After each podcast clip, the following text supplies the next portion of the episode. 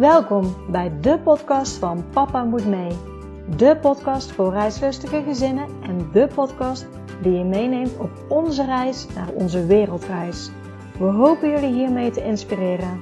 Reizen jullie met ons mee? Let's go!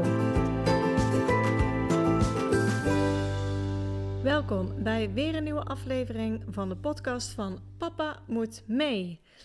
Ik heb voor jou vandaag weer een heel mooi interview met een ontzettend mooi gezin. Ze hebben al veel gereisd samen, vooral buiten Europa. En Europa hebben ze altijd bewaard voor, uh, voor als ze kinderen kregen. Dus toen hun eerste dochter geboren werd, toen uh, kwam dat plan ter sprake en uh, zijn ze het in werking gaan stellen. Ze zochten een camper, dat werd een oud busje uit Zweden helemaal. Dat moesten ze ook nog deels opknappen. En daarna zijn ze vertrokken om ruim een jaar door Europa te reizen. Hoe ze het allemaal hebben gedaan, waar ze tegenaan liepen en zelfs ook mooie tips voor een eventuele zomervakantie, delen ze in deze podcast. Je kan het gezin ook volgen op Instagram, dat is Niels Shirley Jente Evi. En ik wil ook nog even vragen: mocht je deze podcast leuk vinden, mocht je het inspirerend vinden, dan deel het op Instagram dat je naar de podcast luistert. Zo hopen we alleen nog maar heel veel meer gezinnen te kunnen bereiken die ook wellicht dezelfde dromen hebben. En laat een review achter op het kanaal waar je de podcast luistert, want ook zo kunnen we de podcast laten groeien. En voor nu wil ik jullie heel veel luisterplezier wensen.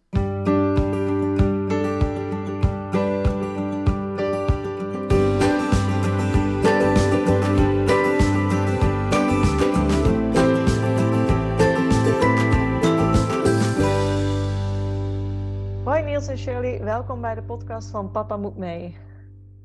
Goedemorgen. Goedemorgen. Ja, de eerste vraag. Zouden jullie eh, jezelf en jullie gezin kunnen voorstellen aan, uh, aan de luisteraar?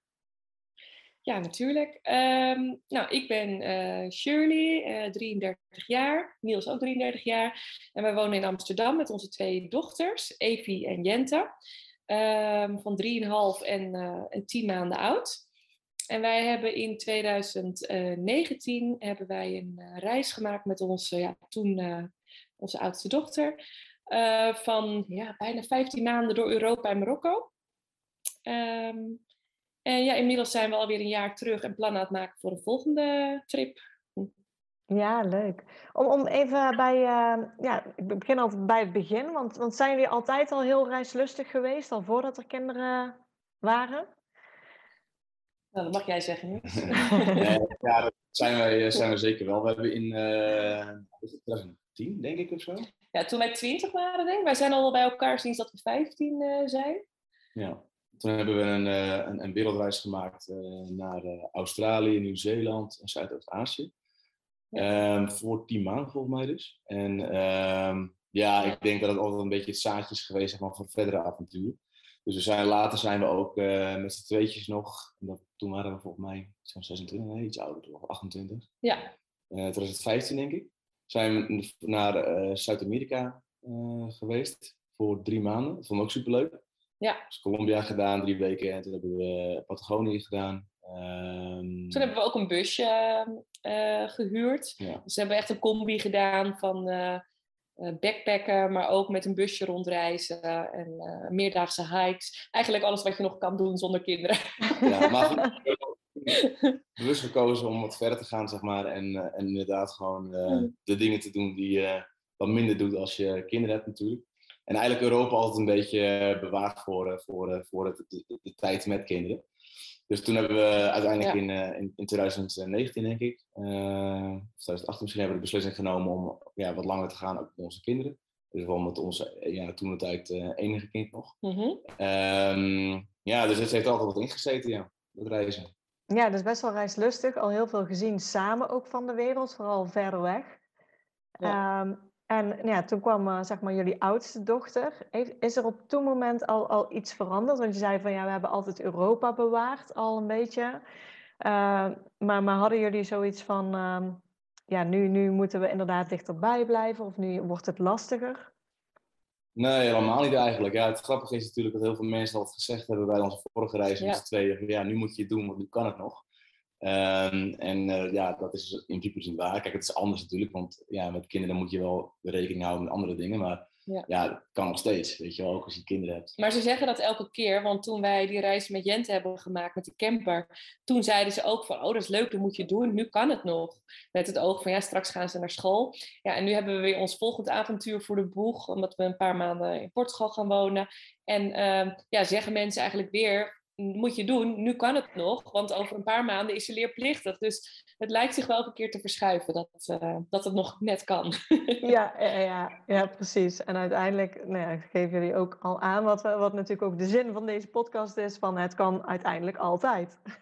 ja, ja, ja. ja. ja en het was wel zo dat eh, toen ik bevallen was van Jente, Um, toen was het bij jou eigenlijk heel snel wel echt duidelijk van, ja, ik wil hier niet al te lang mee wachten. Ik wil gewoon genieten van onze dochter en zoveel mogelijk ook bij haar zijn. En niet alleen maar uh, vier dagen naar kantoor gaan en uh, haar alleen in de avond zien en in het weekend.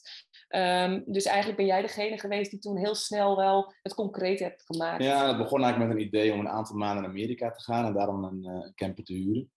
Um, ik weet niet hoe het precies veranderd is in laten we een jaar door Europa gaan. Maar uiteindelijk Uh, en ja, ja, ik werk gewoon op een bepaalde manier, zeg maar, dat als ik iets in mijn hoofd heb zitten, dat ik het er ook gewoon, uh, dat ik het voor elkaar moet krijgen, zeg maar. Dus uh, ja. ja, niet heel veel laat gingen we ook echt, zeg maar. Oké, okay, ja, dat dus, was echt een perfecte, perfecte, perfecte reis geweest eigenlijk. En ehm, ook qua leeftijd, zeg maar, want Jente was toen net één geworden. En ehm, we hebben dat dus gedaan tot, tot ruim dat ze twee was.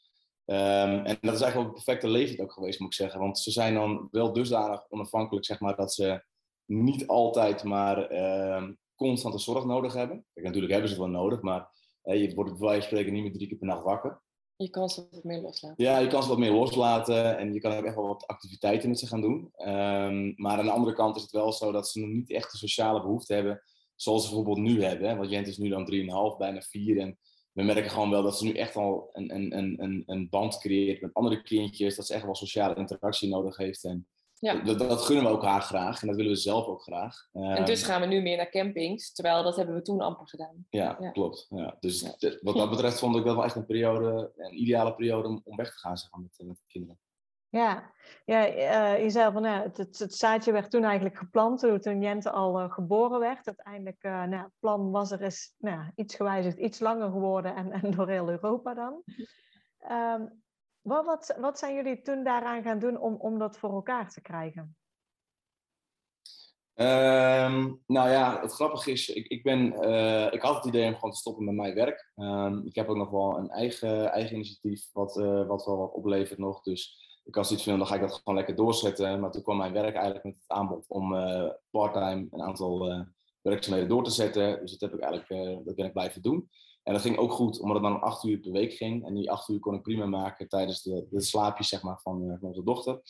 Um, dus eigenlijk financieel gezien hoeft eigenlijk niet zo heel veel te doen. We hadden wel wat gespaard, maar eigenlijk hebben we dat helemaal niet, ja, dat hebben we eigenlijk niet aangeraakt. Simpelweg vanwege het feit dat we gewoon nog werkten. Dus dat was wel heel fijn. Um... Ja, en je bent heel snel op zoek gegaan naar een camper. Want het was wel uh, duidelijk dat we een camperreis uh, wilden gaan maken. Dat leek ons ideaal met een, een, een klein, uh, klein kind, omdat je dan altijd je spulletjes bij hebt. Um... En dat was wel een avontuur. Want mijn vader woont in Zweden. En die is toen driftig mee gaan kijken naar, naar campers. En die kwam op een gegeven moment met een, een heel grappig gekleurde grote Mercedesbus. Uh, omdat ik op een gegeven moment dacht, ja, zo'n Mercedes-bus lijkt me ook wel wat. Dus uh, uiteindelijk ben ik hals over kop die kant op gevlogen en uh, de auto gepakt samen met mijn vader. Vijf uur gereden? Ja, helemaal naar het noorden van Zweden om daar die bus vervolgens te bekijken. Nou, vervolgens moet je een beslissing nemen. best lastig. Ja, best lastig, want ja, het is een bus uit de 1980 en het reed wel gemeten natuurlijk. Het rijdt ook hartstikke langzaam, komt amper de berg op, noem ik allemaal maar op. Maar goed, toch maar besloten de bus te kopen en ehm, vervolgens ergens gestald ja, wat je natuurlijk heel veel ziet van mensen die natuurlijk een camper kopen, die kunnen er naartoe leven, zeg maar. En die kunnen de camper gereed maken, echt hun eigen maken, zeg maar. En wij konden dat niet, want onze camper stond letterlijk aan de andere kant van Europa. dus uh, ja, dat, uh, dat begon op een gegeven moment een beetje frictie te veroorzaken, zeg maar. Dus we hadden op een gegeven moment iets van, ja, is dit wel een goede beslissing geweest om met deze camper op pad te gaan? En nou ja, uiteindelijk uh, nou, moesten we ook alle spullen natuurlijk in Zweden krijgen, want daar zijn we ook begonnen. Dus ja, dat was qua voorbereiding ook wel een beetje gecompliceerd, zeg maar. Nou, uiteindelijk hebben we alles daar gekregen en hebben daar een maandje gezeten om in ieder geval alles zo goed mogelijk naar onze smaak te maken. Ehm, en ja, toen zijn we zeg maar, uh, ook echt begonnen daar. Uh, dus ja, zeg maar, de, de voorbereidingen daar naartoe, dat, dat was het wel, heeft, ja, het heeft dat wel, was wel een beetje een bumpy road. Zeg maar. ja, ja, zeker. Dat heeft ons wel ook um, heel veel energie gekost. En ik zat natuurlijk thuis ook vooral nog met een, pas, nou, een pasgeboren baby, een baby van een half jaar oud. Jij was al heel erg bezig met we hebben een camper gekocht. Um, is het wel een goede keuze? Zit er wel een goede koelkast? Jij ging je overal inlezen. Dus eigenlijk merkten we dat we in plaats van dat we wat meer naar elkaar toe groeiden, door die reis, wat we eigenlijk wilden ook, dat we wat meer afstand kregen. Want ik was vooral bezig met ons kind. Jij was vooral erg bezig met de voorbereidende reis. Want je wilde het goed geregeld hebben. Um, dus ja, we hadden er heel veel zin in, maar het was wel uh, een, uh, ja... Ja, voor mij was het echt wel een leermoment. Want ja, ik wilde gewoon alles perfect hebben, zeg maar. En mijn vader die zei ook, ja, ga gewoon met het ding weg. Ik bedoel, uh, je merkt wel onderweg waar je tegenaan loopt en dat los je dan alweer op ja. of zo. En ik moet wel zeggen dat dat mijn grootste leerpunt ook geweest is, denk ik wel. Dat uh, niet alles perfect hoeft te wezen en dat het uiteindelijk gewoon gaat om uh, het avontuur, zeg maar. En ja, dat is inderdaad ook echt zo geweest. Ja. ja, want jij werkte nog onderweg. En, en jij, Shirley, had, had jij op dat moment ook een baan? Of hoe heb jij het geregeld? Ja, ja, ik had wel een, ik had een baan, um, maar die, uh, door reorganisaties ben ik daar toen uh, gestopt. En toen ben ik als freelancer, heb ik nog een opdracht gedaan vlak voordat we weggingen. Uh, en tijdens de reis heb ik niet gewerkt. Dus alleen Niels. En hoe we dat vaak dan deden, was dat Niels dan, als Jente ging slapen, dan ging Niels werken. En uh, dan ging ik bijvoorbeeld uh, de Lidl in, de boodschappen doen. Uh, of ik ging ergens naar de wasseretten om de was te doen. Dus ja, zo deden we dat dan eigenlijk. Ja. ja, dus jullie hadden in ieder geval iets van inkomen. Jullie wonen nu in Amsterdam. Hadden, hadden jullie op dat moment ook al je appartement in Amsterdam? ja, klopt. En dat hebben we toen verhuurd voor, voor een jaar ook. Dat is gelukkig allemaal heel goed gegaan. En ja, daar hadden we natuurlijk ook een mooie inkomstenbron aan. Dus wat Niels al in het begin zei, um, de combinatie van zijn werk met de verhuur van ons appartement, dat was voor ons eigenlijk uh, voldoende. Ja, ja je geeft zo'n reis ook veel minder uit. Het is gewoon zo. Als ik kijk wat we nu in Amsterdam uitgeven. Dan, ja, het leven is nu veel duurder. We hebben niet eens echt een heel ja. buitengewoon duur leven qua horeca en zo. Want die tijd hebben we achter ons gelaten. Maar ja. ja. het is zo duur hier. Het is niet normaal. Dat je kinderdagverblijf bijvoorbeeld. Ja, dan geef je gewoon echt... Uh, nou, er zit 1500 euro per maand in uit of zo. Ja, dat heb je natuurlijk niet als jij... Uh, Ja. Voor mij kwamen toen rond, en dan is het zeg maar zonder een vaste last, maar wij gaven toen denk ik misschien 2000 euro per maand uit. Uh, voor met z'n drietjes. En dat is dus diesel, eten, uh, overnachtingen, activiteiten en dat soort dingetjes. Ja, we stonden ook bijna nooit op campings. Hè? Dus we stonden ja, dat... bijna altijd, de gebruikte gewoon Park for Night, stonden we in de natuur. Dus dat scheelt natuurlijk ook wel. Als wij nu zouden gaan, zouden we veel meer op campings staan en zou het denk ik al duurder zijn geworden. Ja. ja. Ja, maar ik, nou. ik denk wel, wel de kern zeg maar, van dit verhaal is dat heel veel mensen lopen altijd aan tegen een reis van oh, het is zo duur en waar haal ik het geld vandaan? En als je nu jullie verhaal hoort, hoor je dat het eigenlijk heel makkelijk was. Je haalt wat inkomsten uit, uit je woning die je hebt verhuurd en nee, je werkt nog acht uur per week erbij. Dus heel vaak zie je dat het veel eerder al te realiseren is als dat mensen vaak denken. Ja, ja, want wij horen ook wel eens van mensen dat ze langer, hè, dat, ze, dat ze van plan zijn om te gaan en dat dan uh, een van de twee bijvoorbeeld blijft werken. Um, het lijkt me wel echt nu, als ik kijk naar onze situatie nu, heel moeilijk hoor om dat te doen. Want toen was het echt, wat we zeiden, al goed te realiseren omdat Jente nog sliep. Gewoon echt wat twee uurtjes, drie uurtjes in de middag. Um, maar moest je het ook wel echt verspreiden? Nou ja, goede vrienden van ons bijvoorbeeld, die zijn ja. ook in de camper weggegaan. En die hadden echt zoiets van, oké, nu gaan we heel veel tijd voor onszelf hebben. En uh, nu gaan we echt tijd hebben om wat uh, uh, persoonlijke ontwikkeling te doen. En, en ja, maar ja, uiteindelijk is dat niet zo. Want je bent gewoon echt heel druk met reizen. En dat klinkt wel stom, maar het is echt zo. Ja. Uh, want ja, je bent elke dag weer op zoek naar een nieuwe slaapplek. Je bent elke dag natuurlijk ook weer aan het rijden. De boodschappen moeten ook gedaan worden. Kinderen kosten enorm veel energie, laten we ook eerlijk wezen. dus, dus ja, uiteindelijk ben je gewoon echt de hele dag... Je bent echt de hele dag bezig met werken om te reizen. Dat is, ja, ja. Dat is gewoon zo. En um, daarom hebben wij nu bijvoorbeeld ook... Uh, kijken naar de sportgewalavonturen voor gekozen om ja, wel gewoon een, een huis te hebben, zeg maar. En die kinderen naar uh, een opvang slash schooltje te, te, te brengen puur om dan ook gewoon tijd voor onszelf te hebben om gewoon weer te kunnen werken bijvoorbeeld. Um, omdat, omdat ja, werken en reizen, zeker met twee kinderen, dat is gewoon echt niet te combineren. Nou ja, voor ons zou het moeilijk te combineren zijn. Er zijn mensen die het natuurlijk wel kunnen, maar ik zou het heel lastig vinden. Ja, maar dan, ja. Ja, ja, ja dat is ook in ieder geval een realistisch beeld afgeven. Hè? Nou, nou, ja. En je moet natuurlijk afvragen waarvoor je het doet. Hè? Want als je het gewoon doet om echt gewoon met elkaar te zijn en om tijd met elkaar te besteden en Europa te zien of de wereld te zien. En ja, dan, dan zal dat je doel moeten zijn. Dan moet je je daarop focussen. En dan moet je geen andere dingen willen, zeggen. En dat is denk ik bij ons wel wat wij begonnen, deze, de, voorbereidingen zeggen we echt met de vraag van waarom willen we dit? Ja, we hebben echt wel een lijstje met elkaar gemaakt van oké, wat zijn voor ons de doelen um, voor deze reis? En we hebben daar ook uh, tijdens de reis af en toe weer even op teruggegrepen om, uh, om dat steeds uh, scherp voor ogen te houden. Ja. Wat, wat was jullie doel? um, nou, meer tijd doorbrengen met elkaar, met het gezin. Dat stond echt wel voorop. Ja, Europa zien, maar dat was het doel. Dus dat we echt gewoon Europa ervaren.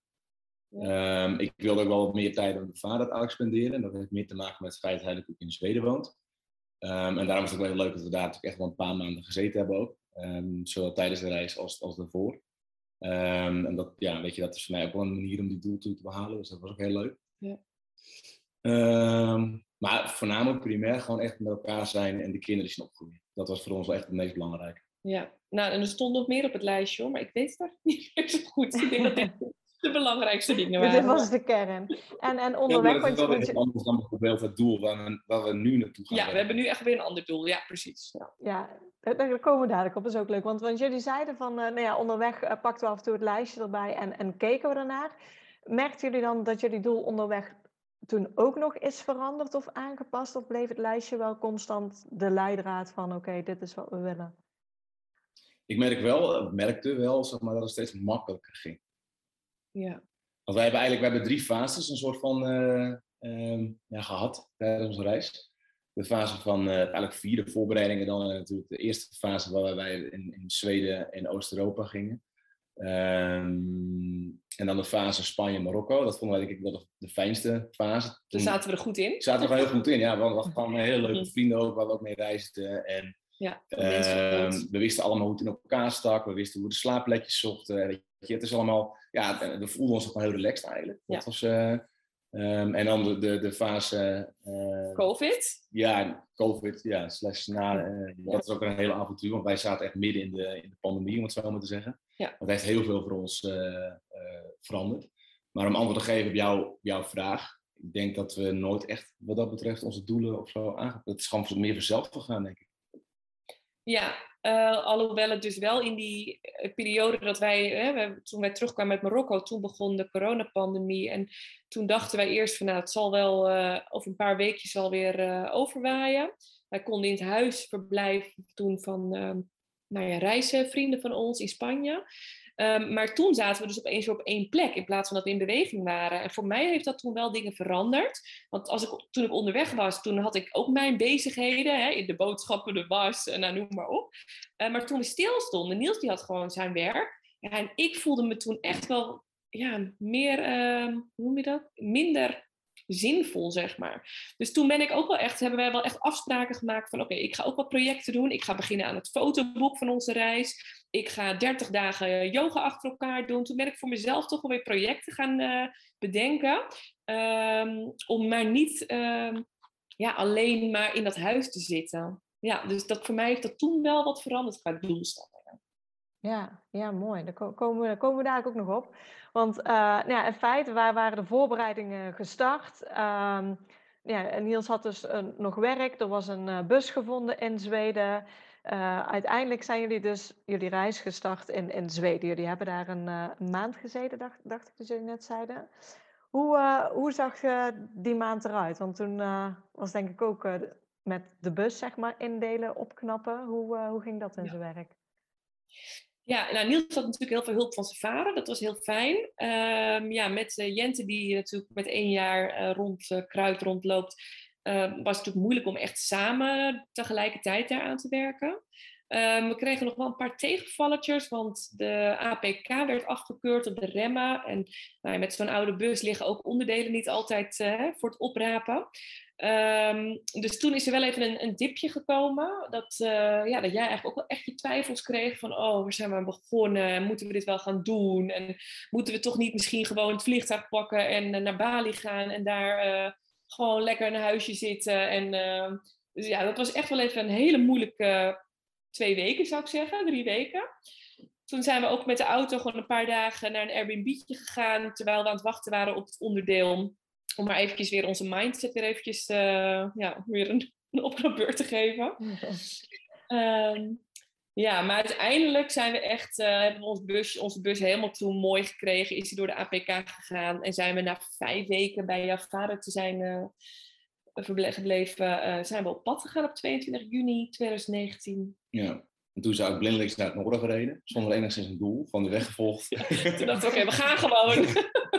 we gaan vertrekken goede gevoel hebben we heel Zweden niet eens gezien eigenlijk. Want wij gewoon, uh, we hebben gewoon de weg gevolgd, min of meer. En toen hadden we wel in, in Finland zoiets van, nou, laten we dat anders gaan doen. Want we, hebben wel, we moeten wel iets zien, zeg maar. Een beetje het idee hebben dat we dingen ook meemaken van het land. Mm -hmm. Toen hebben we een Lonely Planet gekocht. En toen zijn we wat gerichter, zeg maar, uh, dingen afgegaan. En Finland voor ons was echt heel erg leuk. Echt een heel leuk land. Het is ja. een beetje als Zweden, maar uh, ik vind het eigenlijk leuk. Het is nog niet zo bekend. Hè? Je hoort niet veel mensen over Finland. Omdat het nee. misschien toch, toch te ver is. Maar wij vonden het echt heel leuk. Leuke stadjes, dorpjes, um, ja. leuke stranden, lieve mensen. Uh, mooie natuurparken ook. Kan ook overal staan. Ja, we hebben daar echt een hele fijne tijd gehad. Ja, want, want hebben jullie ook van binnen dan ook nog veel moeten verbouwen aan, uh, aan jullie bus? Voordat, voordat ja, jullie konden vertrokken? Ja, ja, goed. Kijk, je kan het ook zo gek maken als je zelf wilt. Um, en dat is hetgene wat ik net ook al zei. Weet je, uiteindelijk moet je gewoon, uh, gewoon gaan. Ik bedoel, uh, de mooiste bus van de wereld hebben, zeg maar, dat uh, gaat echt niet leiden tot de mooiste reis van de wereld, om het zo maar te zeggen. Dus uiteindelijk gaat, het, gaat, gaat het daar niet echt heel erg om. Um, maar wat wij gedaan hebben, hebben we een bedje gemaakt voor, voor Jente dan, boven ons bedje. Um, ja, het voet, boven het voet. Dat we gewoon inderdaad drie bedjes echt vast hadden om te slapen. Dat wilden we eigenlijk wel. We wilden geen dingen gaan verbouwen of zo. Ook omdat je gewoon een jaar echt permanent in gaat wonen natuurlijk. We hebben een, uh, een bankje gemaakt, waar gewoon een, een, een zitgedeelte, um, waar ook dan met door middel van een gordelbox, zeg maar, uh, Jente gewoon echt goed vast kon zitten qua veiligheid. Uh, nou, de boel hebben we geschilderd. Ja, er, zaten, om een beeld te geven, er waren zeven verschillende printjes aanwezig in de camper. Variërend van gordijntjes tot behangetjes en zo. uh, dus ja, niet helemaal onze stijl. Dus uh, ja, de, de likkie verf uh, kon het wel gebruiken. En dat maakt al een wereld van verschil eigenlijk. Um, maar ja, verder vonden we hem ook wel weer lekker kneuterig van binnen. Um, dus hebben we er ook wel voor gekozen om, uh, ja, om nou ja, het is een hele fijne bus geweest, want het is best wel een grote bus. Um, ook vrij breed. En ja, daardoor hadden we echt heel veel ruimte. Het was heel huiselijk. Het voelde direct als thuis. Ja. Echt waar. Ja. En nog steeds hoor. Zodra wij onze camper nu weer binnenstappen, voelt het echt als thuiskomen. Ja. ja. ja. En, de, en de buitenkant, want jullie camper uh, heeft natuurlijk vrij opvallende kleuren. Had u die altijd toen uh, jullie die kochten of hebben jullie die zelf gegeven? Nee, dat, dat had hij al. En, uh, Geweldig. Ja, dat kan je bijna niet zelf bedenken. Hè? Hele domme. Ja. Wij zijn ervan gaan houden. We hebben wel het begin dat we dachten, nou laten we hem opnieuw gaan verven. Maar ja, ja weet je, dan verander je de identiteit van die bus zo heel erg. Dat wilden we ja. ook niet. Dus we hebben, en we zijn er nu heel blij mee. Want uh, we worden overal herkend. Ja, ja. ja. toen, toen, we, toen we de bus kochten, toen kregen we al van de eigenaar ook uh, haar identiteit zeg maar mee. Het, de bus heet Esmeralda. Nou, als je de bus een beetje uh, kent, dan past dat ook wel, want ze is paars met geel en zwart en wit. Dus het is, uh, ja, het is wel een Esmeralda. Wij hebben er eigenlijk gaandeweg uh, steeds vaker liefkozend Essie genoemd. En ja, zo noemt onze dochter de, nu ook de camper. Gaan we naar Essie. Ja, super. Ja, ik, ik, ja, we zullen daar op het eind sowieso nog jullie Instagram noemen. Dan kunnen mensen ook even de bus echt zien als ze nu denken van hoe ziet hij eruit. Maar ja, ik, ik hou ervan. Ik vind het heel gaaf, zeg maar, zo kleuren. ja, jullie, jullie vertrokken inderdaad. Jullie gingen naar Zweden, waar, waarvan je zei van uh, we gingen nog best wel op de weg. En bij Finland begon al meer dat jullie dachten van oké, nou gaan we meer, meer rondkijken. Hoe zag jullie reis er daarna uit? Um, Baltische Staten hebben we gedaan. En um, dat vond ik echt heel erg leuk. Dus Estland, ja, Estland, Letland, Litouwen. Uh, we hebben best wel een tijdje gezeten ook. denk een maand in totaal of zo, denk ik. Heel veel mensen zitten veel, wat doe je daar nou een maand? Maar uh, waren, waren lekker weer. waren hartstikke lekker weer. En het zijn enorm mooie, en, enorm mooie stranden. Dat wist ik helemaal niet. Maar, ja. zeg maar de hele, ook bij Zweden trouwens, de oostkust. Of de Oostzee, de kust daar is gewoon fantastisch. Het is echt uh, witte stranden, blauwe zee. Um, we hebben daar echt op stranden gestaan dat het bos meteen uitliep ja, zeg maar, in, strand, ja, ja. Strand in, in Estland en Letland. Dus we hebben daar echt heel lekker op het strand gelegen ook vaak. Het is echt uh, een hele fijne plek. En hartstikke leuke steden ook, zoals Stalin. Ja, fantastisch. Ja. ja. is misschien wel de leukste stad uh, van uh, onze reis. en ja, heel veel mensen denken er niet over na. Maar als je natuurlijk vier, vijf weken vakantie hebt in de zomervakantie, dan kan je natuurlijk prima ook een boot pakken vanuit Duitsland en naar Estland varen. En vervolgens terugrijden via dus de Baltische Staten en Noord-Polen naar Nederland. Dan heb je een hartstikke leuke vakantie. is een keer wat anders zeg maar dan Frankrijk. En uh, ja, dat zou ik bijvoorbeeld gedaan hebben of doen als ik een aantal weken vakantie heb. Nou kijk, er komen meteen hele goede tips, ook voor, uh, voor ja, mensen. Ja, je kan best wel met, met boten in Noord-Europa kan je een hoop bereiken. Ja. ja, en toen hebben we een uh, aparte afslag genomen, want um, we, we, hadden gehoord dat je een visa kon aanvragen voor Kaliningrad.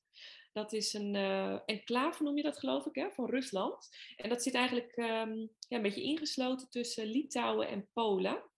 Um, dus wij zijn uh, via Litouwen over die Curonian Spit, dat is een landtong, zijn we gereden. Dat is heel mooi. En toen zijn we zo dus uh, een stukje Rusland eigenlijk ingegaan. En dan rij je letterlijk opeens in de jaren tachtig. Dat is dus zo apart. Dan, dan, is, dan, is, onze bus opeens niet meer zo oud. Nee, allemaal bussen. Uh, nou, je, je kan er natuurlijk geen touw aan vastknopen, want de taal uh, is natuurlijk qua uh, ja, geluid, maar ook qua schrift natuurlijk echt niet ja. herkenbaar. Um, dus ja, dat was echt nou, ik denk dat dat ook echt een hele erg grote tip is. Als je daar in de buurt bent, um, ja, vraag dat gratis visum aan. Want het is echt een, uh, ja, een reis door de tijd eigenlijk. Goedkope diesel ook, scheelt ook. Een hele goedkope diesel, ja. En, en dat visum aanvragen is dus niet moeilijk. Ik bedoel, ik ben zelf in Rusland geweest en dat is best om daar binnen te komen. Alleen al moet je best wel wat, wat papierwerk in nee, orde maken. Maar dat... Oké. Okay. Ja, dat is nieuw toen de tijd. Ja, dat bestond echt een paar maanden, een paar weken zelfs. Ja. Um, en dan kan je online aanvragen en dan uh, kan je er gewoon in. Dus het is echt. Uh, en voor mij hebben ze ook gedaan, zeg maar, om ja, wat mensen gemakkelijker zeg maar, de Baltische Staten in te laten gaan. Uh, en dan blijkbaar, denk ik, het toerisme in uh, Kaliningrad zeg maar, een beetje op te, ja. te krikken. En ja, hartstikke makkelijk te regelen en hartstikke leuk om te doen. Ja, gaaf tip. Ja, ja, en toen kwamen we in Polen. Uh, en in Polen uh, hebben we langer gezeten dan we dachten. Um, want uh, we gingen naar een garage toe, omdat jij volgens mij in eerste instantie een rubber of zo wilde laten vervangen. Ja, ik wilde hem gewoon stabieler laten sturen. En er waren een aantal rubbers niet goed, dus toen ben ik op een gegeven moment naar een garage gegaan. Ja. Ik dacht, ja, Polen. goedkoop. Goedkoop, veel vrachtwagens. Dus. Ja. En ook hartstikke goede garage, hoor. Laat wil ik wezen, een hartstikke goede garage. Ja. Maar uh, ja, die zagen op een gegeven moment iets en zeiden, dat kan je niet verder rijden, dus dan moet je veranderen. Ja. Nou, dan moet je vervolgens het onderdeel natuurlijk ergens vandaan zien te halen. Nou, dat was uit Duitsland. Dat is vervolgens, nou, volgens mij heel Duitsland doorgekrast. En uiteindelijk was het dan in, in Polen, maar dat duurde wel weer ruim een week. En dan sta je dan... Zeg nou, het is vooral de onzekerheid die het toen even moeilijk maakt. Want je weet niet hoe lang je stil blijft staan dan. Hè? En als ze zeggen, je moet er niet mee verder rijden, want het is onveilig. Ja, dan, dan doe je dat natuurlijk niet. Helemaal niet als je ook nog eens een keer je kind bij je hebt. Um, dus ja, wij stonden toen vast in een dorpje genaamd Pis. Um, wachtend in onzekerheid van hoe lang duurt het voordat het onderdeel komt en kunnen ze het dan wel maken.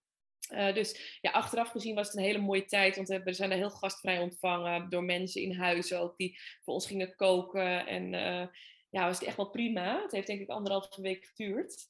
Um, maar ja, op dat moment was het wel eventjes uh, ja, onzeker en spannend. Maar gelukkig konden we daarna weer verder. Hm. En toen zijn we van Polen naar um, Slowakije gegaan. Vonden we ook prachtig. Hele mooie natuurgebied om te wandelen.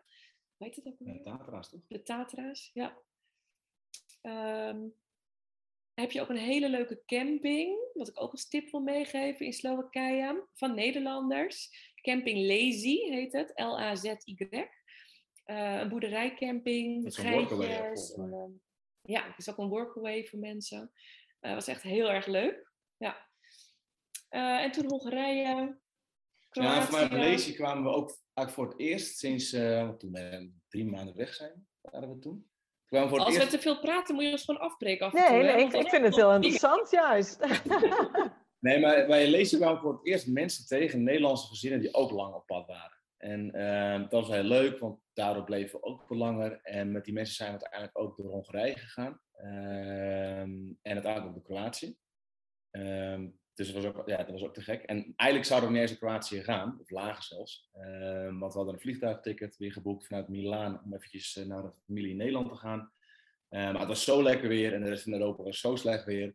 En het was zo leuk Kroatië, en het was zo gezellig met die mensen ook, dat we eigenlijk maar, we bleven maar zuidelijker gaan. En uiteindelijk eh, kwamen we uit in Dubrovnik en zijn we nog zelf een stukje in uh, Bosnië geweest.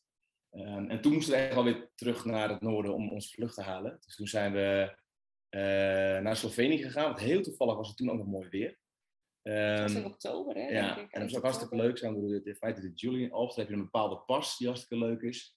Um, en toen in Italië, Venetië zijn we geweest. Toen even een weekje naar Nederland terug. Nou, dat was een beetje surrealistisch. Ja, dan ben je opeens je reis aan het onderbreken en dan kom je weer terug in de, in de realiteit, zeg maar. Dus uh, dat was een beetje gek.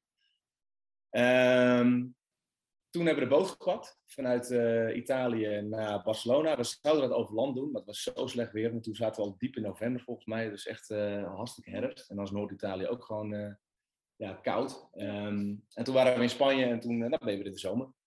Dus dat, uh, dat was wel heel fijn. En, en, Spanje was voor ons altijd een land dat we kenden van Ibiza, Benidorm, Barcelona, weet je wel, dat soort plekken. Wij dachten, nou, eigenlijk komt nu het gedeelte wat we wel, wel, wel een beetje weten. Ja, de, landen, de, de verrassende landen, daar zijn we nu wel doorheen. Want alle landen waar we uh, nog doorheen zouden gaan, die, die kenden we al. Dus hadden zoiets van, ja, weet je, eigenlijk was, was dit de hoogtepunt van onze reis wel. Dat dachten we. Dat dachten we. En uh, toen kwamen we in Spanje. En Spanje was gewoon echt ronduit te gek. Dat was dus, echt een verrassing. Ja. Ja. Spanje vonden we echt super mooi. Super mooi. Het is echt een heel mooi land. Uh, het is goedkoop. Um, je kan overal met je camper staan. Overal je water vullen, je wc legen. Ja, het was echt, het was echt opeens, alles was makkelijk opeens in Spanje. En alles ja. was lekker en alles was goedkoop. En het weer was lekker, weet je wel. Dus ja ja, daar hebben we echt een hele leuke tijd uh, gehad. Uiteindelijk zijn we daar ook uh, tijdens kerst. Hadden we een hele leuke... Meetup? Ja, meetup eigenlijk met andere families die ook lang reisden. Um, en dat, mij met, daar zijn we nog steeds vrienden mee. Ja, volgens mij hebben we toen met iets van tien Nederlandse gezinnen afgesproken in de buurt van Malaga. En daar mochten we op een terrein staan wat uh, ja, bij een, vlakbij een camping was. En daar hebben we eigenlijk een kring gemaakt, een wigwamtent neergezet, uh, lange tafels neergezet. We hebben kerstmaaltijd met elkaar gemaakt. Um, we zijn met de vrouwen nog een avondje uit eten geweest in, uh, in de buurt. Ja, dat was zo leuk. En toen zijn we ook ideeën gaan uitwisselen van, gaan jullie naar Marokko? Ja, ja, wij willen eigenlijk ook wel, ja. Ja, maar ik weet niet of, of we dat nou echt alleen durven, want het is toch wat meer onbekend, hè. Waar kom je? En toen zijn we eigenlijk in twee etappes, of twee groepen, of drie, twee of drie groepen, hebben we de overtocht gemaakt uh, naar Marokko met het idee van, nou, we beginnen gewoon met elkaar. En um, ja, we blijven bij elkaar zolang het leuk is. En, en anders gaat iedereen gewoon zijn eigen gang. Ja, nou, Marokko was echt te gek. Was, uh, we hebben denk ik 2,5 maand gezeten. En dus met die andere families. en dat was, uh, ja, dat was zo anders dan Europa. Want je komt echt in Afrika. Ik dacht, joh, dat zal een beetje een soort van, uh, ja, een soort van tussenstap zijn. Maar het was echt heel anders. Een heel mooi land ook. Super vriendelijke mensen. Um, en ook gewoon best wel, ja, moet ik zeggen, praktisch denk ik. Want we sliepen, denk ik, sommige plekken sliepen weer wild. En, zo, en dat ging ook prima trouwens, ook hartstikke veilig. Um, en op sommige plekken... Ja, maar ook wel echt weer dankzij Park for Night. Want mensen die nu luisteren en die op reis gaan met een camper en nog niet van Park for Night hebben gehoord, nou, die moeten dat echt installeren op hun telefoon. Dat is echt onmisbaar geweest voor ons. uh, want ook in Marokko, als je een keer niet in de buurt bent bij een camping en je denkt ik wil toch ergens staan, dan kom je bijvoorbeeld uh, op een terrein uit achter een, uh, een tankstation. En dat wordt dan beheerd door iemand en diegene betaal je dan nou, misschien een euro en die bewaakt dan dat terrein voor jou die nacht. En ja, dat soort plekjes staan ook op Park for Night. Dus... Maar ook gewoon midden in de woestijn. en, ja. ja. Maar echt een heel erg leuk land. Echt een heel leuk land. En daar ben ik 2,5 maand gezeten. Um, en toen hadden we uh, ja, eigenlijk heel onbewust de laatste boot. Want toen speelde COVID natuurlijk een, uh, begon een rol te spelen in heel geval. Ja. We waren de laatste boot uh, onbewust. En dat was eigenlijk een boot vroeger dan, wat, dan we eigenlijk gepland hadden staan. Ehm, en nou, dat bleek meteen de laatste boot ook te zijn. De laatste reguliere in ieder geval. Waar, waren er nog gezinnen, want jullie waren daar maar meerdere campers die, die die laatste boot niet meer hebben gehaald? De meeste mensen waren al weg. Um, We waren nog met, twee andere Nederlandse gezinnen. Um, eentje die waren, toen waren we al redelijk van elkaar gesplitst, denk ik. Um, eentje die heeft één boot later kunnen pakken. En dat was een niet reguliere boot, maar die kon nog wel makkelijk die gepakt kon nog iets omboeken. Ja, en dat was echt letterlijk de laatste boot volgens mij. En de andere Nederlandse gezin die heeft echt nog uiteindelijk weken vast uh, gezeten. Ja. Die hebben, echt, die hebben uiteindelijk via Fransen uh, want er werd vanuit Frankrijk toen een boot gestuurd, omdat er heel veel Fransen ook uh, in Marokko uh, vakantie vieren. Um, zijn zij met die Fransen meegegaan, zo konden ze toch nog een boot pakken en de overtocht maken. Um, andere mensen die we kenden, die hebben er echt voor gekozen om gewoon echt langere tijd gewoon te blijven, maar ergens op een plek in, in Marokko en tot het allemaal wat rustiger werd. Ja. Uh, ja, maar wij waren wel echt heel blij dat we toen uiteindelijk in, in Spanje waren, omdat het ook weer zo onbekend was. Hè? Van hoe lang gaat dit duren? Wat gaat dit betekenen voor onze vrijheid? Nou ja, wat ook wel een rol speelde, want ik had ook wel wat vrienden die, uh, die bijvoorbeeld met, uh, met een landcruise naar Zuid-Afrika aan het reizen waren. Die zaten echt wel meer in de, in de binnenland van Afrika ook. En die werden gewoon echt uh, uitgehuwd als coronabrengers, weet je wel. Die kregen echt de schuld van het feit dat in Afrika ook corona ja. begon, begon aan te komen. En ja, die moesten ook allemaal hals over kop met het vliegtuig terug naar Nederland. En het was gewoon einde reis, weet je wel. En wij zaten in, uh, in, in Tarifa en ja, daar is iets veel, weet je, twee weekjes, dan is het virus heel voorbij. Ja. Um, dus ja, we gaan gewoon vrienden maken. We gaan af en toe naar de supermarkt en we maken er was Komt wel goed. Komt wel goed. We maken een community en het was hartstikke gezellig. Ja. Maar goed, toen ging het strand dicht, dus toen kon niemand meer kiten en ik kon het strand dus niet meer op. En, uh... en de politie zei letterlijk, echt zo'n zo'n zo'n Spaanse politie met zo'n glimmende bril en een haartje strak naar achter en een raampje open van zijn auto en uh, nou, met zijn hand een beetje zo wegwimpen van, nou, jullie moeten weg. Ja. En we zeiden, ja, maar de campings die zijn ook dicht, uh, waar moeten we heen? Ja, geen idee, maar hier, hier moet je weg. Ja, nou ja, en toen dachten we wel van, wat moeten we nu, hè? Dus toen heb ik op een gegeven moment reis hebben ons gebeld en het verhaal uitgelegd. En die hebben een finca uh, in de buurt van Malaga. En daar zaten toen nog gasten, want zij verhuurden dat. Maar die gasten die zouden twee dagen later terugvliegen naar Nederland. En dat ging, dat ging dus ook door. Um, dus wij konden daarheen en we hebben daar uiteindelijk twaalf weken gezeten. En ja, Spanje was echt, echt lockdown. Um, dat was gewoon echt, je mag je huis niet uit, zeg maar. Dus we hadden op een gegeven moment buren en die hadden een zomerhuisje in de buurt van onze finca. En die, uh, ja, die, uh, die, die, waren gewoon gevlucht vanuit Malaga daarheen, omdat ze gewoon anders gewoon echt vast zaten in een appartement in Malaga twaalf weken lang. Dus ja, die, uh, die waren heel blij dat ze daarheen konden natuurlijk. En jij leende denk ik één keer per week hun auto om boodschappen te doen. En dat was echt... Dat was mijn uitstapje. Dat was het. maar er vlogen echt drones van, van een paar meter groot. Die vlogen echt over onze huizen heen. Puur om te controleren of iedereen wel binnen zat. Dat was echt heel... Ja, ja dat was surrealistisch. Ja. Ja snelweg helemaal leeg en zo. Ja, dat was heel bizar. Uh, en toen zijn we eigenlijk langzaam terug naar Nederland gereden. En we hebben natuurlijk Zweeds kenteken. Of natuurlijk, we hebben een Zweeds kenteken.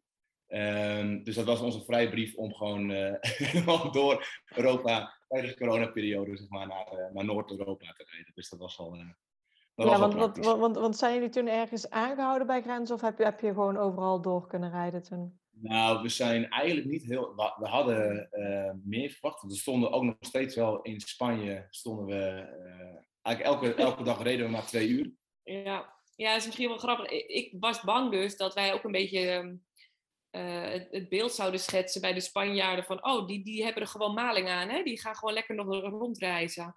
Dus uh, ja, we moesten natuurlijk wel een paar keer stoppen. We konden niet in één keer doorrijden naar Nederland, want we hadden ook Jente, die moest ook gewoon af en toe eventjes naar buiten even luchten. Dus ik had op mijn telefoon had ik al helemaal een verhaaltje in het Spaans had ik geschreven van, ja, we zijn hier alleen om te overnachten. We gaan morgenochtend gelijk weer weg. En we zijn hier echt niet om vakantie te vieren. En nou, het is één keer gebeurd dat er een vrouw naar mij toe kwam om een beetje boos uh, te zeggen van, nou, wat doen jullie hier? Dus toen heb ik mijn verhaaltje, wat ik heb mijn hoofd al geleerd, heb ik, uh, heb ik opgenoemd. En um, ja, verder ging het eigenlijk uh, heel erg goed. En, nou, in Spanje waren op een gegeven moment, kwam de politie aan ons toe en die vond het te veel. ja, die, die, kwam naar ons toe, dus ik stond alweer klaar met mijn verhaaltje. Ik dacht, oh, daar komt de politie. Ik ga het gelijk weer op, oplezen wat ik heb bedacht. Maar die kwamen eigenlijk alleen maar vertellen dat we te veel kampeergedrag in het park vertoonden. Dus we ja. onze spullen even binnen wilden zetten. Ja. en toen weet ik dat we aangehouden werden bij de terugreis. Dat was in Frankrijk, omdat onze bus niet hard genoeg de snelweg uh, ja. uh, opreed, de heuvel op, zeg maar. Dus, Qua grens ging het gelukkig allemaal goed. Ja, je kreeg papieren hè, van de ambassade. De, de Nederlandse ambassade in, ehm, in Spanje, die deed ook heel goed via Facebook aan informatieverstrekking. En dan kon je al je vragen stellen. Dus dat, ja, dat hebben we toen echt op de voet gevolgd. Ja. En toen hebben we ons huis nog drie maanden langer verhuurd. Ehm, en toen zijn we lekker terug naar Scandinavië gegaan. Onze bus staat nog steeds kenteken, dus die moest door de APK heen. Dus dat hebben we gedaan. En, uh, ook omdat jouw werk, want jij zou eigenlijk per 1 juni weer beginnen. Maar ja, dat redden we niet. En dat is uiteindelijk niet, uh, ja. niet doorgegaan. Dus toen dachten we, nou ja, dan gaan we er nog maar wat langer aan vastplakken. En dan gaan we maar naar Scandinavië, want daar hebben we nog wel de ruimte en de bewegingsvrijheid. Ja, dus zo zijn we toch op 15 maanden gekomen uiteindelijk. Ja, ja, ja allemaal iets, uh, iets anders door corona natuurlijk. Ja. Ja. Hoe, maar wel heel blij dat we alsnog die reis gewoon hebben kunnen doen voor corona. Ja, heel gaaf. Ja. Gewoon nog steeds heel anders. Ja. Ja. ja.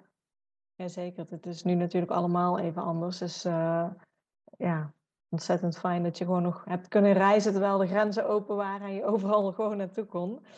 Hoe heeft uh, Jente die, die reis beleefd? In ieder geval wat jullie hebben kunnen zien bij haar.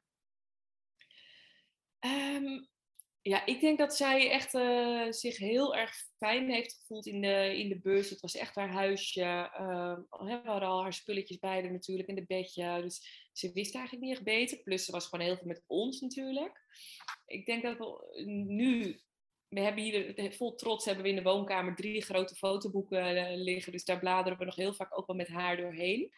Um, ik denk niet dat ze zich heel veel nog actief herinnert daarvan. Nee, want weet je, die Nederlandse gezinnen, die hadden ook allemaal kindjes natuurlijk van Jente leeftijd. En soms vraag ik dan nog aan veel, weet je wie dit nog is? En dan krijg je bijvoorbeeld namen van haar huidige vriendjes en vriendinnetjes, weet je ja.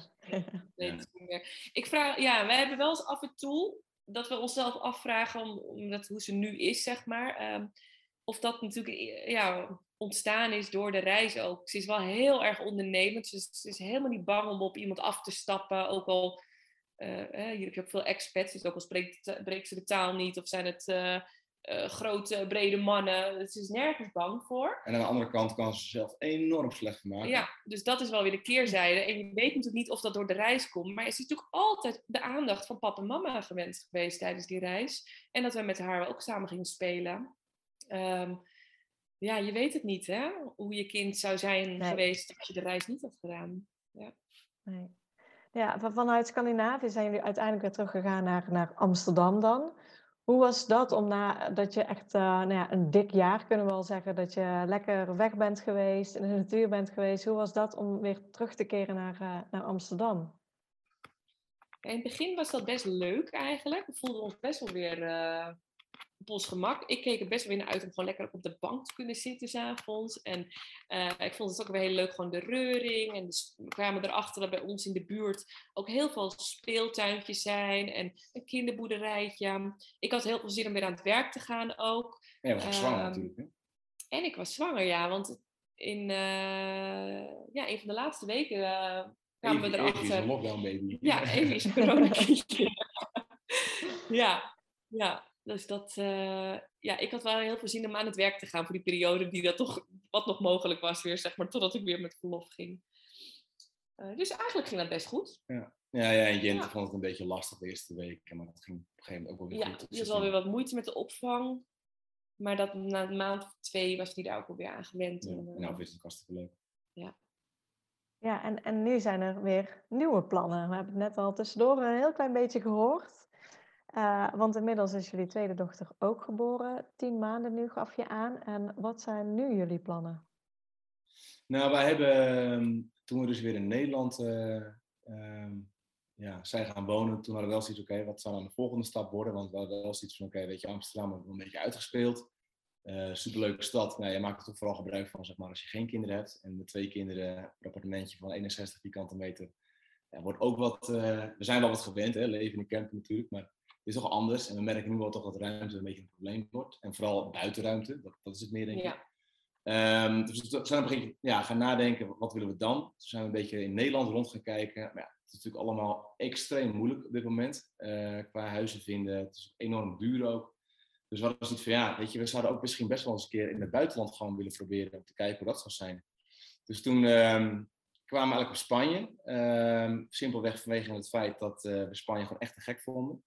Ehm, we hebben Jente ingeschreven op een schooltje zelfs. Ja, we kwamen eigenlijk wel uit bij een leuk dorpje. We hadden heel veel research gedaan, veel mensen gebeld die daar ook wonen. En een schooltje gevonden waar we hebben aangemeld. Want daar gaan ze vanaf drie jaar al naar school. Dus dat nou, is misschien goed ook gelijk voor haar voor de taal, voor de sociale contacten. Um, Totdat het zomer werd. En toen zagen we dat het daar echt zo warm was. Gewoon drie maanden lang 40 graden, ja, 45 graden. En um, nou, het klimaatrapport werd natuurlijk ook van de zomer, kwam dat uit. En dat was ook allemaal niet echt het beste perspectief voor de komende nou, helemaal in die regio. Ik bedoel, Middellandse Zee wordt gewoon echt steeds heter. En maar sneller heter dan waar dan ook in Europa. En daar is iets van, ja, het is nu al bijna ondraaglijk heet in de zomer. En dan ga je naar een plek waar het alleen maar erger gaat worden de komende tientallen jaren. En je kiest het toch wel voor je kinderen. Dus wat is iets van, ja, oké, misschien is dat niet zo handig. Ehm, toen zijn we een beetje verder gaan kijken en toen kwamen we op Portugal uit. Um, en eigenlijk een aantal redenen. Ten eerste hebben we dat moeten skippen door COVID. Um, ik ben er al twee keer geweest, maar gewoon vakanties, dus ik ken het niet goed. we hoorden hele leuke verhalen over. En ja, als je de foto's kijkt, ja, dan is het gewoon groener dan Zuid-Spanje. Tenminste, de plekken waar wij een beetje naar gekeken hebben. Dus het is ja, het lijkt gewoon wat, wat minder door te zijn. En ook zeg maar, kijken naar de temperaturen van de zomer, is het allemaal net even iets milder. Ehm, dus dat is iets van, ja, weet je, dat gaan we gewoon proberen. We gaan gewoon uh, ja, kijken hoe het zou zijn als we daar gaan wonen. En nou, gaandeweg kwamen we er een beetje achter dat het ook bomvol met Nederlanders zit daar. Niet specifiek onze keuze, maar het is enorm populair blijkbaar daar. Ja, een beetje toevallig eigenlijk. Ja, en, nou ja. Want we hebben ook eigenlijk altijd nog wel Zweden hoor, al in ons achterhoofd. Maar het is natuurlijk heel wat anders. Ja. Um, dan, Zuid-Europa.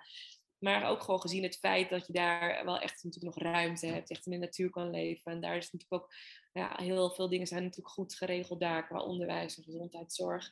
Dus ehm, ja, ergens uh, sluit ik dat ook niet uit. Maar we beginnen nu uh, ja, met uh, West Algarve eigenlijk, waar we naartoe gaan.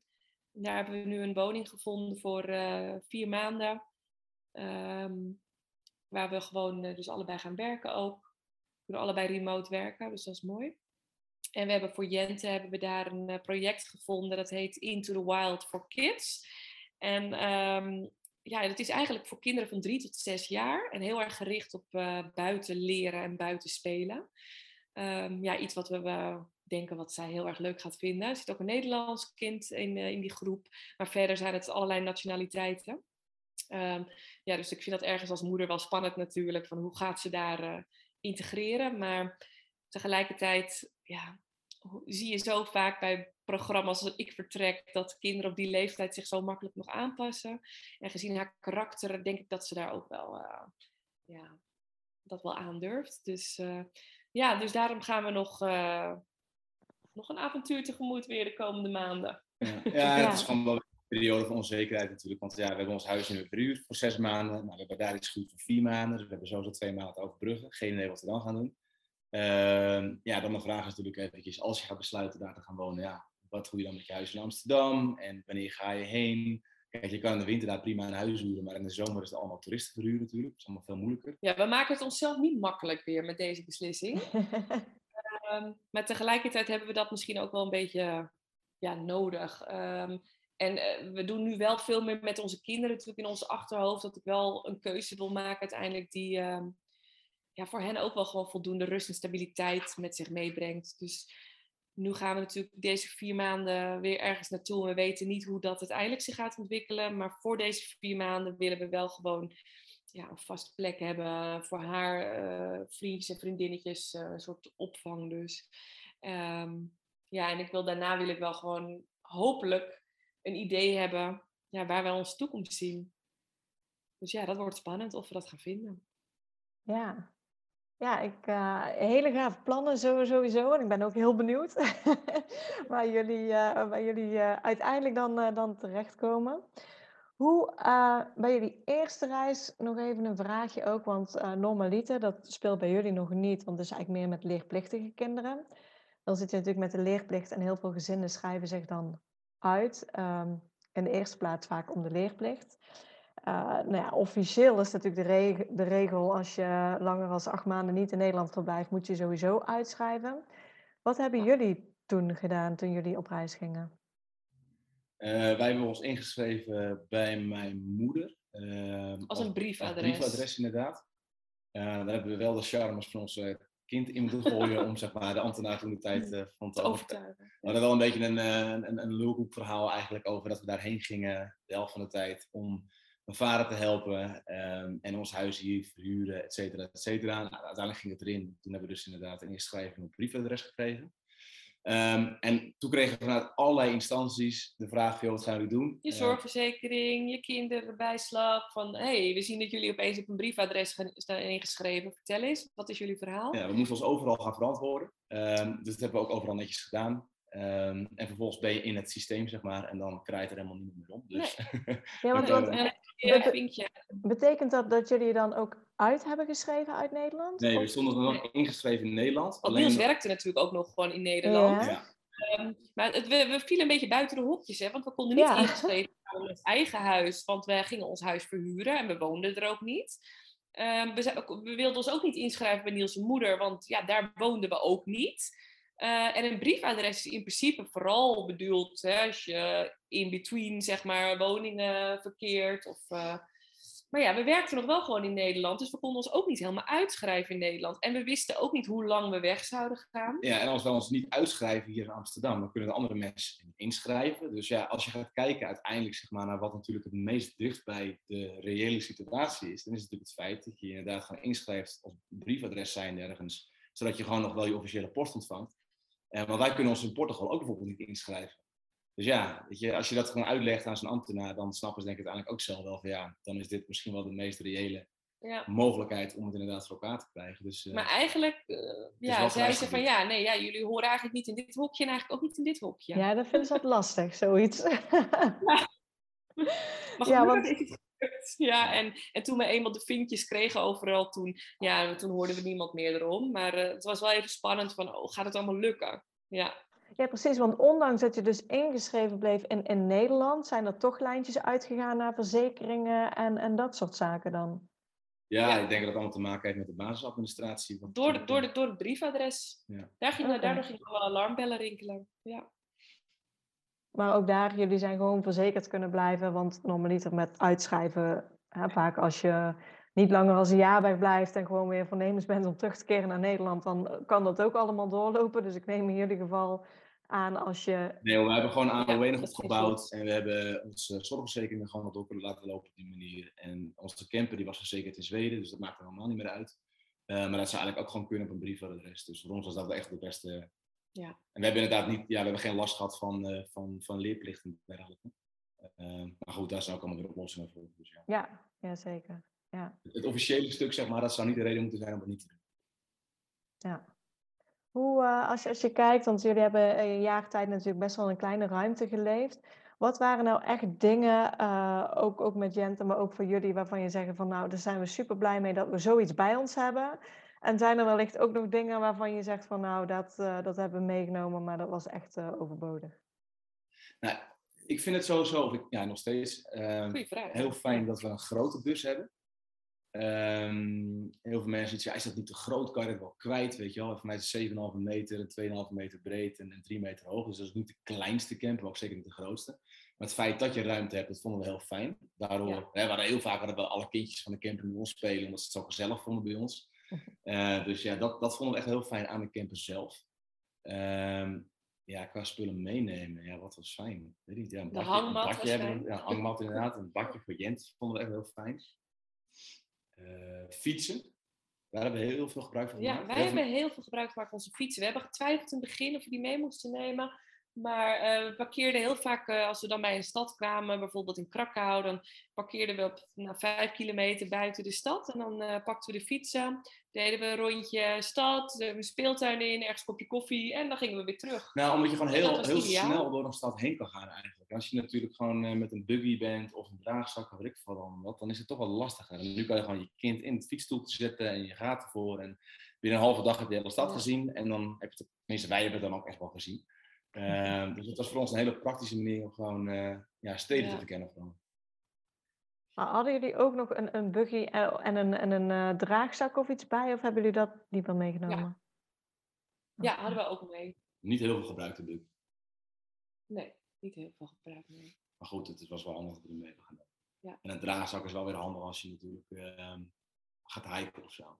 Ja. Ja, maar een IKEA kinderstoel, die hadden we dan uh, op het bed liggen. Of nee, onder het bed als we gingen rijden. En uh, daar zat Jente dan in als we gingen eten.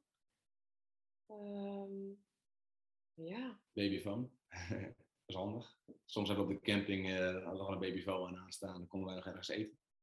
Wel met zicht op de bus. Ja, maar dat ging wel goed. Ja, ja, nee, ja ik denk eigenlijk dat... Uh, we, hadden ook een Diriam tentje hadden we mee, maar die hebben wij bijvoorbeeld er helemaal niet gebruikt. En volgens mij hoor je van andere mensen weer dat ze dat echt onmisbaar vonden. Maar dat, dat is iets wat we, ja, wat we mee hebben genomen waar we eigenlijk niet veel uh, gebruik van hebben gemaakt. Ja, ja, misschien ook omdat Jente dan haar eigen bedje had al. Vaak, vaak uh, worden die tentjes ja. gebruikt of als je veel verplaatst of als je... Ja. ja. Ja, nee, ik denk dat we echt wel heel erg fijne bussen hebben gehad. En qua spullen, uh, ja, je hebt altijd wel dingetjes dat je weer weggooit onderweg. Uh, maar, nee. Gereedschap. ja. Ik heb voor jullie nog uh, ditjes of datjes. Ik zou zeggen, kies gewoon het eerste wat in je opkomt. Jullie mogen gewoon uh, afzonderlijk van elkaar uh, kiezen. Een stedentrip of strandvakantie? Stedentrip. ja, nou ja, ik zeg dan strandvakantie. ja? Jij bent helemaal niet iemand die op het strand ligt. Ja, nee, maar wel gewoon, ik hou wel van de kust. Ja. Dat is, een strandvakantie voor mij is gewoon bij de kust. Hè? Niet zeg maar een dikke kont op het strand liggen een week lang. Okay. Auto, in jullie geval mag je er ook camper bij zetten of vliegtuig? Auto. Ja. Backpack of koffer? Backpack. Ja. Airbnb slash hotel of kamperen?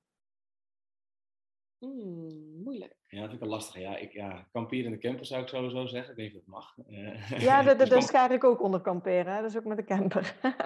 nee, nee dat zeggen, ja. ja, dat zeggen we kamperen in de camper. Hoewel het me ook alweer heerlijk lijkt om af en toe gewoon lekker met z'n tweetjes een stedentrip met een leuk Airbnb'tje hoor. Maar met het gezin, ja, dan uh, kies ik inderdaad wel echt voor de camper. Ja, ik vind met kinderen een camper echt ideaal. Ik zou echt niemand, ja. niemand anders willen. Ja. Al je spullen bij elkaar hebben en gaan wanneer je wilt gaan en overal lekker kunnen eten wanneer je wilt. Zo praktisch. Ja. Zomer of winter? Zomer. Zomer, ja. Zwembad of zee?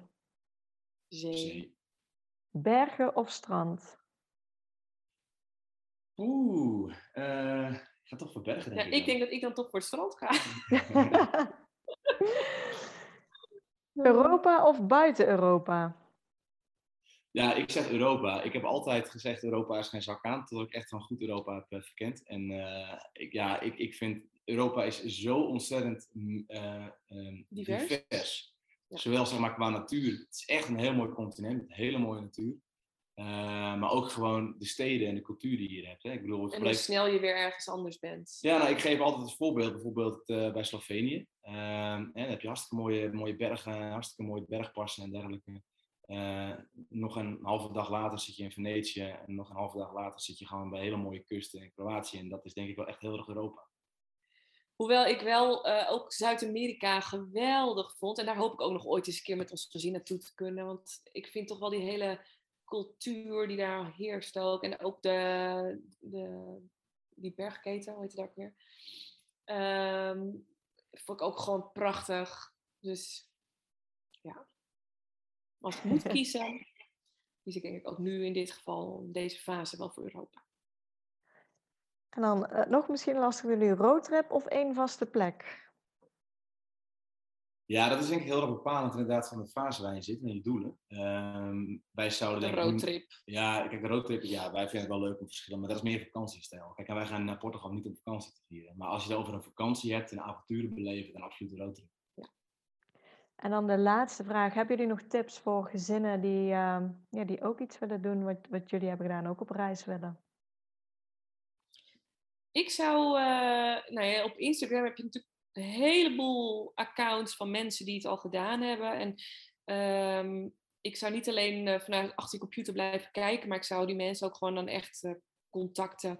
Iedereen die vindt het zo leuk om over zijn reis te praten. Dat merk je aan ons ook al. We, onze mond gaat bijna niet, niet meer dicht. Want als wij eenmaal erover praten, dan gaan we los.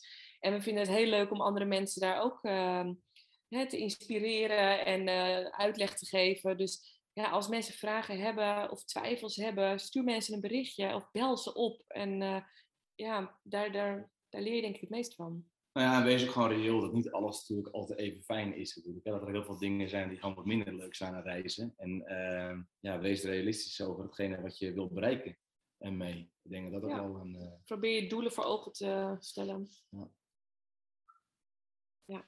Yes, ja, dan misschien ook nog een hele goede om jullie Instagram-account te noemen. Dat uh, mensen, daar staan foto's op van jullie reis natuurlijk, van uh, jullie bus Essie. Uh, ja. En ja, wellicht kunnen mensen, ik weet niet of jullie dat gaan doen, ook jullie avontuur dadelijk in Portugal weer, weer volgen. Ongetwijfeld, ja. uh, specifiek zijn onze namen gebruikt, hè? dat was jullie zo zeggen, maar niet zeg maar bijvoorbeeld een busnaam of zo. Omdat, ja, weet je, voor ons is het toch gewoon een aaneenstapeling van avonturen. En de bus past daarbij, maar soms ook niet. Ja, want nu gaat de bus niet mee. Uh, ja, onze Instagram is Niels Shirley Jente Evi. Toen wij op reis waren, toen was het Niels Shirley Jente. Eigenlijk per toeval kwamen we erachter dat onze namen in elkaar uh, ja, overvloeiden. Overlopen, ja. Ja, en um, nou ja, toen um, onze tweede dochter geboren was, toen um, ja, was dat wel met een E. Niet dat het een must was, want voor een jongensnaam hadden we niet een E. Maar het was een meisje en het loopt nog eens een keer in elkaar door ook. Dus nu is onze Instagram Niels Shirleyente met Y's allemaal. Heel goed. Hij, hij staat ook altijd in de, in de titel van de podcast, dus daar kunnen mensen dan uh, daar ook op zoeken. Dan wil ik jullie uh, ontzettend bedanken voor jullie tijd, voor jullie mooie reisverhalen en uh, alle tips die jullie ook zeg maar, over Europa hebben gegeven aan, uh, aan iedereen. Ja, hartstikke graag gedaan. En ja, nogmaals de uitnodiging voor mensen die nu luisteren. Mocht je nog wat meer willen weten of twijfels hebben over bepaalde dingen, kan je ons altijd een berichtje sturen via Instagram.